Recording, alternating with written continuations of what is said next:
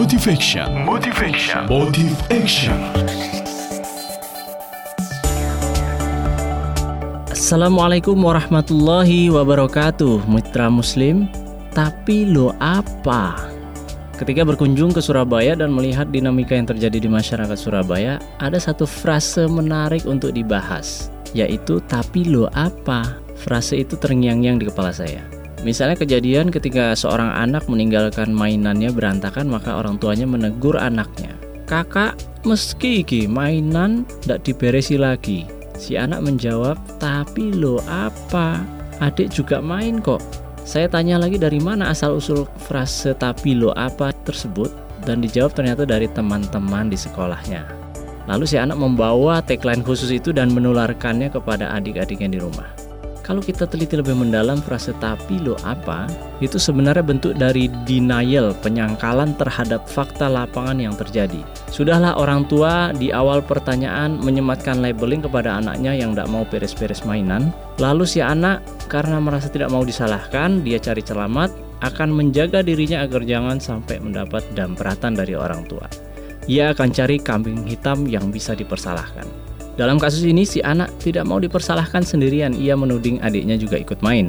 Bukan hanya dirinya, seharusnya adiknya juga kena damprat. Dapat kredit poin juga sama seperti dirinya.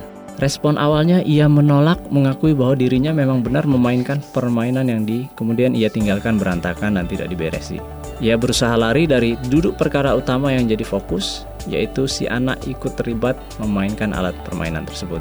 Ini adalah cikal bakal lahirnya orang yang tidak mau mengakui kesalahannya tidak bicara sesuai fakta, orang yang selalu bicara pakai tapi, banyak alasan, dan tidak mau mengambil tanggung jawab dari perbuatannya. Ia lupa mengakui kesalahan sendiri, lalu sibuk mencari-cari kesalahan orang lain. Ini masalah besar bangsa Indonesia di bidang apa pun. You can name it, apa pun bidangnya. Apa dampaknya jika hal ini berlangsung terus-menerus?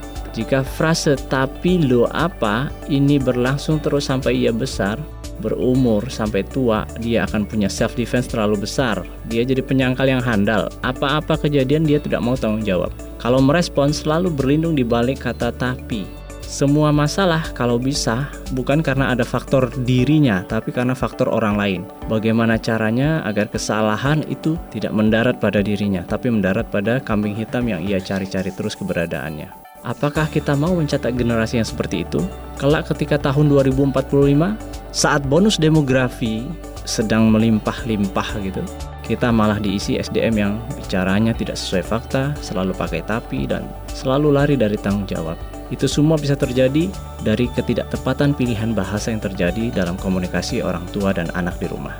Maka, ayah bunda mitra muslim, mari optimalkan masa kecil anak agar hidupnya selamat kelak. Saya Pak Ading, Childhood Optimizer Trainer untuk Suara Muslim Radio Network. Assalamualaikum warahmatullahi wabarakatuh.